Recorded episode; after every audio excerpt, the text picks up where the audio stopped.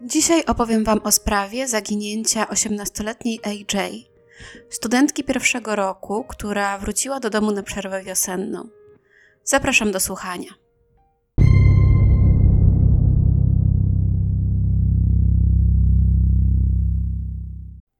Angelika A.J. Hatzel urodziła się w sierpniu 1996 roku w Virginii. Rodzina i przyjaciele mówili na nią AJ, także ja też pozwolę sobie tak ją nazywać.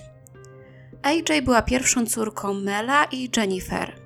Związek jej rodziców rozpadł się jednak po zaledwie kilku miesiącach od urodzenia dziecka. Niedługo później Jennifer związała się z Zakiem Hoferem. Zak wychowywał AJ przez następne 13 lat i to właśnie jego nazywała swoim tatusiem. Jennifer miała z Zakiem jeszcze dwoje dzieci, dwie młodsze siostry AJ. AJ od dziecka uwielbiała spędzać czas na świeżym powietrzu.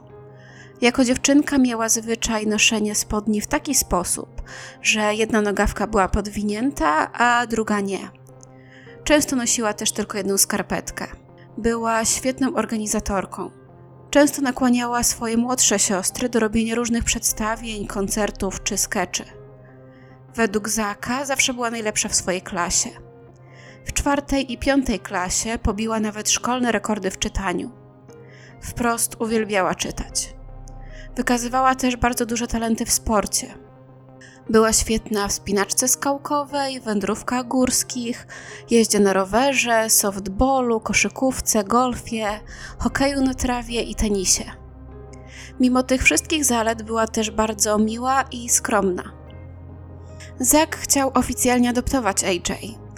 Jennifer oczywiście się na to zgodziła, ale problem mógł być w przypadku biologicznego ojca dziewczynki. Ale Mel również się na to zgodził. Nie utrzymywał z córką bliższych kontaktów, więc pewnie uznał, że tak będzie dla niej najlepiej. Tak naprawdę nie widział swojej córki, odkąd ta skończyła roczek. Niestety do tej adopcji nigdy nie doszło. Jennifer i Zach rozstali się w lutym 2005 roku jeszcze przed sfinalizowaniem adopcji.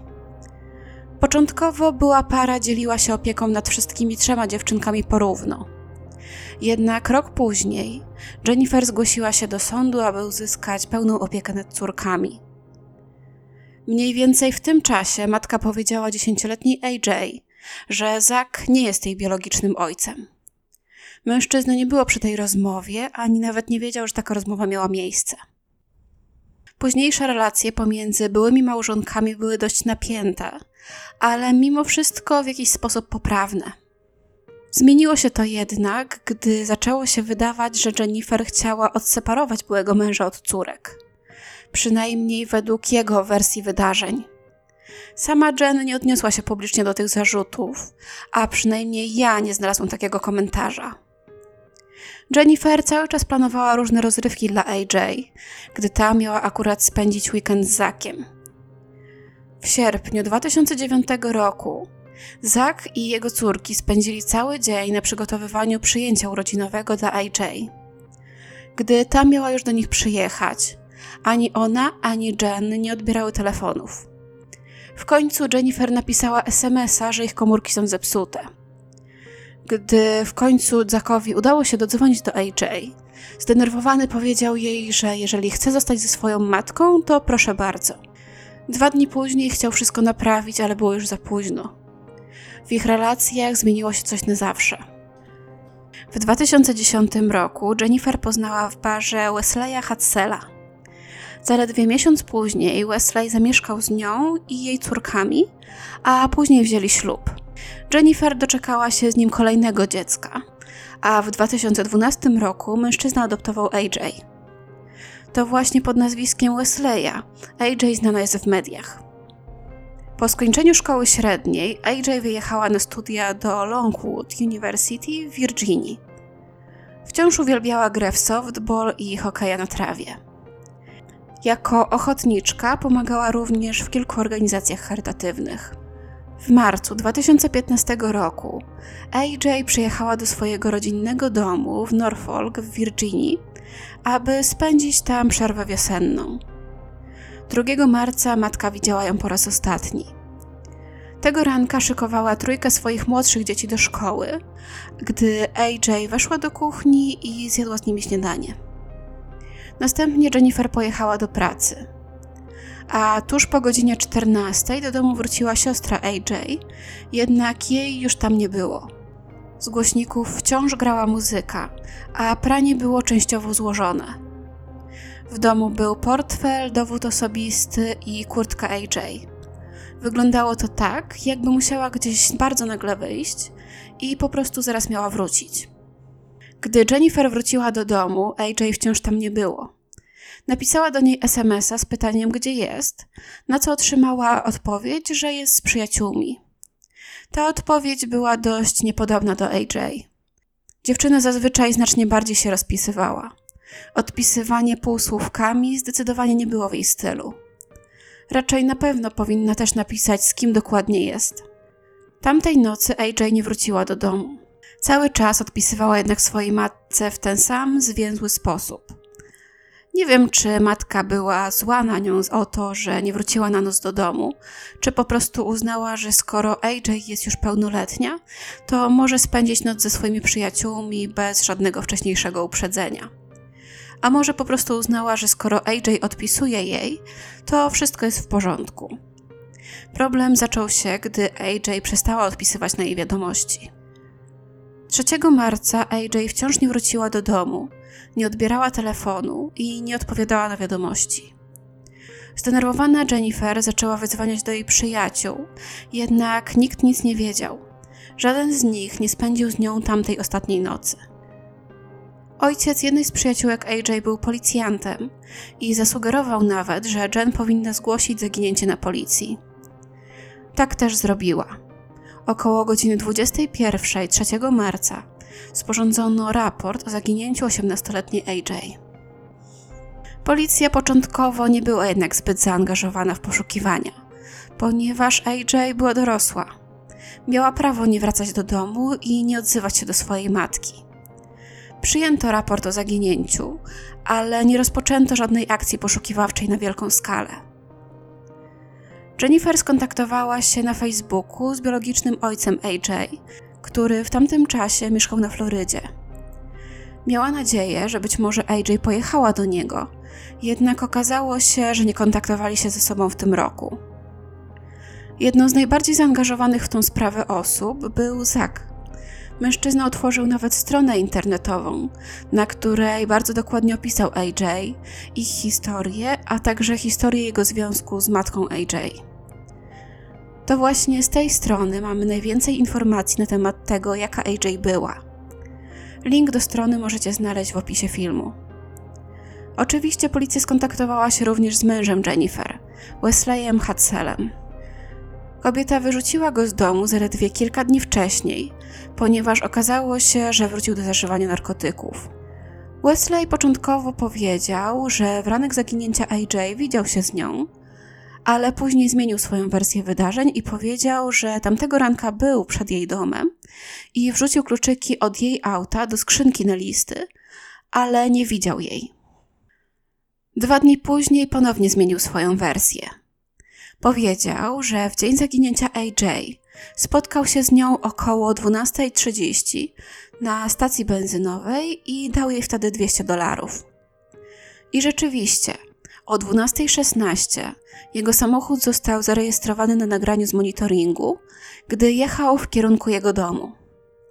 A o 13.27 zarejestrowano jak wracał.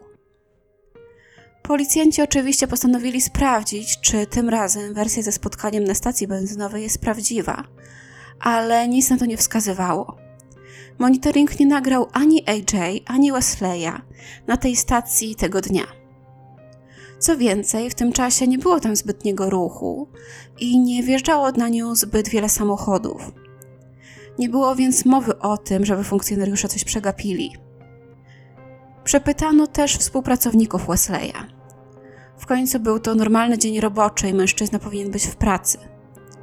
Współpracownicy powiedzieli, że 2 marca około południa Wesley wyszedł z pracy i powiedział, że musi spotkać się ze swoją córką, aby dać jej trochę pieniędzy. Wrócił około dwóch godzin później, ale wydawał się być bardzo wzburzony. Tak wzburzony, że nie mógł dalej pracować i musiał wziąć wolny na resztę dnia. Wraz z upływem czasu poszukiwania zdabierały coraz większego rozmachu. Jedna z sąsiadek powiedziała, że widziała AJ odjeżdżającą spod domu swojej matki w dniu swojego zaginięcia. Za jej autem jechał jakiś biały samochód. Później rodzina miała powiedzieć, że już wcześniej widzieli taki samochód przed swoim domem i być może AJ miała zatarg z kimś, kogo znała.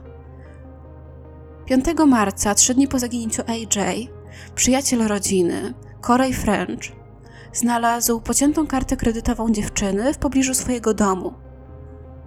AJ i Corey umawiali się przez krótki czas w gimnazjum, jednak teraz byli już tylko dobrymi przyjaciółmi. Mieszkali tylko przecznicy od siebie. Po tym wydarzeniu Wesley skontaktował się z innymi przyjaciółmi i chłopakiem AJ. Wypytywał ich o to, gdzie dokładnie mieszka Corey i czy w jego domu jest jakiś system alarmowy czy kamery. Przyjaciele powiedzieli mu, jaki to adres, ale oczywiście nie wiedzieli nic o systemie alarmowym. Nigdy po prostu się tym nie interesowali. Niedługo później Wesley włamał się do domu Koreja i za dużymi poduszkami na kanapie znalazł kurtkę AJ. Ciekawym jest jednak to, że Wesley nie zgłosił tego na policji. Zamiast tego znów skontaktował się z przyjaciółmi AJ, opowiedział im o znalezionej kurtce nakłonił, żeby sami poszli do domu tego chłopaka i zgłosili to na policji. Nie mieli jednak nic wspominać o tym, że tę kurtkę znalazł Wesley, ani oczywiście o tym, że włamał się do tego domu.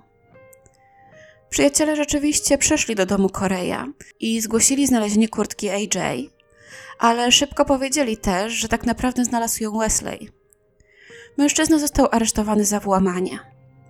Podczas przesłuchania Powiedział, że włamał się do tego domu, ponieważ jest pewien, że to Korej odpowiada za zaginięcie AJ i chciał mieć na to dowód.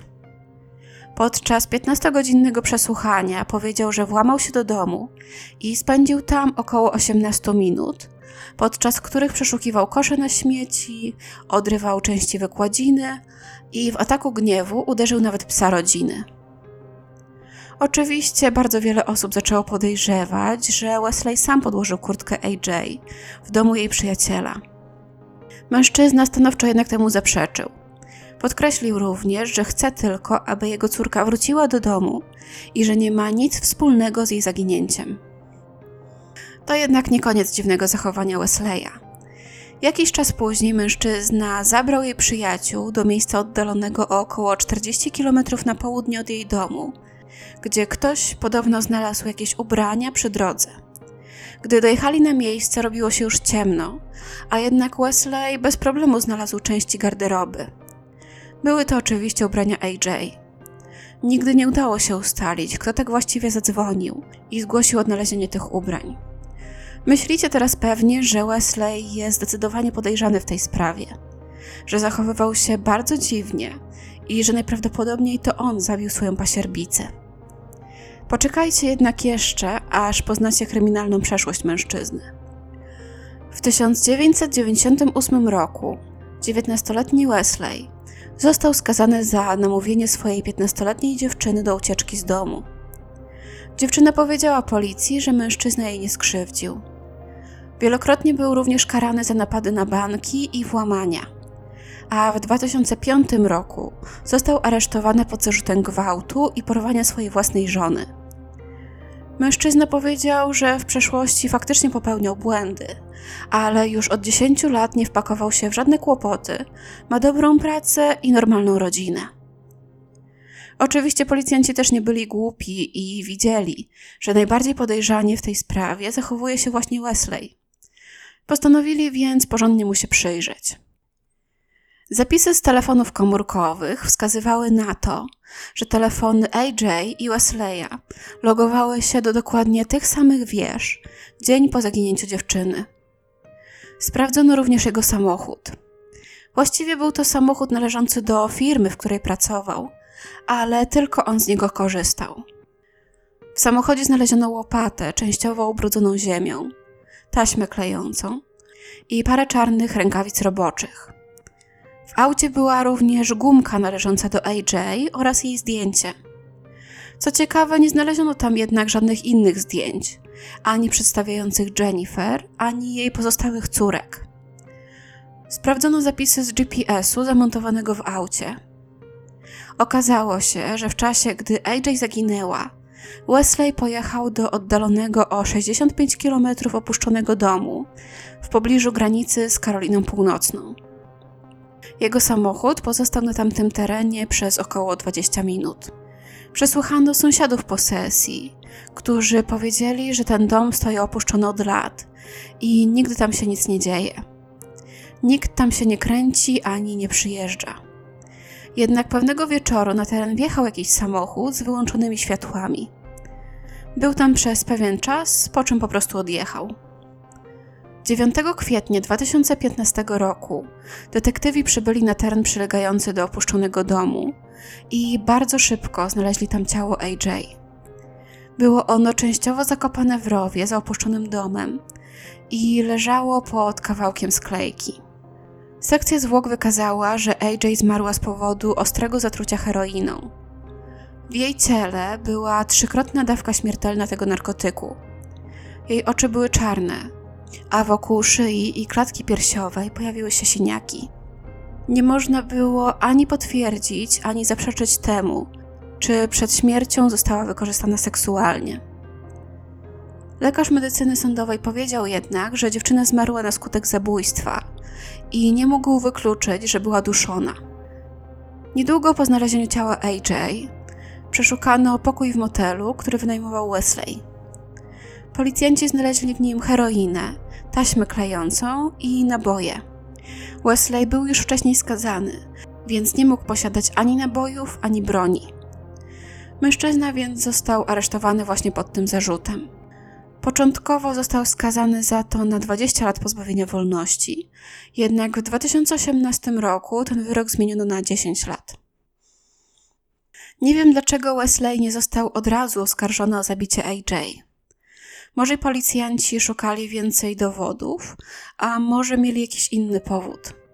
Niemniej Wesley został oficjalnie oskarżony o morderstwo AJ dopiero 3,5 roku po jej śmierci, 19 listopada 2018 roku. Motyw jego zbrodni pozostał jednak niejasny, a on sam utrzymywał, że nie miał nic wspólnego ze śmiercią swojej pasierbicy. W więzieniu pisał nawet do niej wiersze, które ze łzami w oczach prezentował w mediach. Niemniej uznano, że to właśnie Wesley musiał porwać AJ, gdy ta była sama w domu i składała pranie. Prawdopodobnie po to, aby napaść ją seksualnie. Siniaki na klatce piersiowej i brodzie dziewczyny świadczyły o tym, że musiał bardzo mocno ją trzymać. Proces rozpoczął się w lutym 2020 roku. Został jednak przerwany po zaledwie jednym dniu. Wcześniej obrona mężczyzny zawarła porozumienie z prokuraturą, które definiowało, które fragmenty rejestrów karnych Wesleya mogą zostać dopuszczone przed sądem podczas tego procesu. Po jednym dniu mężczyzna uznał jednak, że już nie zgadza się na tę ugodę, więc proces musiał zostać przerwany. Prokuratura musiała mieć przecież czas, aby ponownie przygotować się do sprawy. Ponowny proces rozpoczął się dopiero dwa lata później, w styczniu 2022 roku. Prokurator powiedział, że jego zdaniem AJ została zabita dopiero dzień po swoim zaginięciu. Fizyczne ślady na jej ciele odpowiadały temu, że ktoś bardzo mocno ją chwycił, siłą wstrzyknął jej heroinę, a następnie częściowo zakopał jej ciało za opuszczonym domem. Tym kimś miał być właśnie Wesley Hutzel. Przed sądem zeznawała Jennifer, która powiedziała, że ona i jej mąż mieli dość normalne relacje, aż do czasu, gdy AJ dowiedziała się, że Wesley zażywał narkotyki, gdy ta była na studiach. Po tym nie chciała mieć już z nim nic wspólnego i nie chciała spotkać się z nim podczas wiosennej przerwy. Na świadka powołano również dealera Wesleya, który zeznał, że ten kupił od niego heroinę dzień po tym, jak AJ zaginęła. Później policja znalazła też ten narkotyk w jego pokoju motelowym. Jako dowody przedstawiono również zapisy z monitoringu sklepu spożywczego i zapisy bankowe, które potwierdziły, że Wesley był w miejscu, w którym znaleziono ciało AJ kilka dni po jej śmierci. Obrona przedstawiła jednak AJ jako dziewczynę pogrążoną w depresji po tym, jak niedawno zerwała ze swoim chłopakiem. Próbowano pokazać, że miała skłonności samobójcze, cytując memy na jej telefonie oraz wiersze, które miały zawierać głębokie poczucie smutku. Próbowano przedstawić AJ jako kobietę, która sama postanowiła odebrać sobie życie poprzez przedawkowanie heroiny. Podkreślono również, że w tamtym czasie AJ zażywała lek, który często przepisywany jest na depresję. Lekarz sądowy nie przeprowadził jednak testu na obecność tego leku podczas sekcji zwłok. Obrona zauważyła jednak, że dawka tego leku została zwiększona AJ niedługo przed jej śmiercią. Na sali pojawił się jednak lekarz AJ, który stwierdził, że wcale nie zapisał jej tego leku na depresję, ale na migreny, na które cierpiała. AJ nie miała też żadnej historii zażywania narkotyków, a na jej ciele nie znaleziono żadnych śladów po igłach. Matka AJ również powiedziała, że jej córka była szczęśliwą młodą kobietą. Chociaż tutaj oczywiście można stwierdzić, że Jennifer nie wiedziała o niej wszystkiego i że córka mogła coś przed nią ukrywać. Ławie przysięgłych zajęło tylko 45 minut, aby uznać Wesleya Hadsela winnym morderstwa swojej pasierbicy i ukrycia jej ciała. Mężczyzna został skazany na maksymalny możliwy wyrok, czyli dożywocie plus 15 lat pozbawienia wolności. I na dzisiaj to już wszystko. Jestem bardzo ciekawa, czy słyszeliście wcześniej o sprawie zaginięcia i zamordowania AJ. Mi bardzo ciężko przychodzi uzmysłowienie sobie, że jedna z najbliższych osób mogła zrobić coś tak strasznego. I to właściwie bez żadnego powodu, bez żadnego motywu. Chociaż jakiś motyw na pewno był, tylko Wesley nigdy go nie ujawnił. Napiszcie koniecznie w komentarzach, co myślicie o tej sprawie. A tymczasem trzymajcie się bezpiecznie i do usłyszenia niedługo.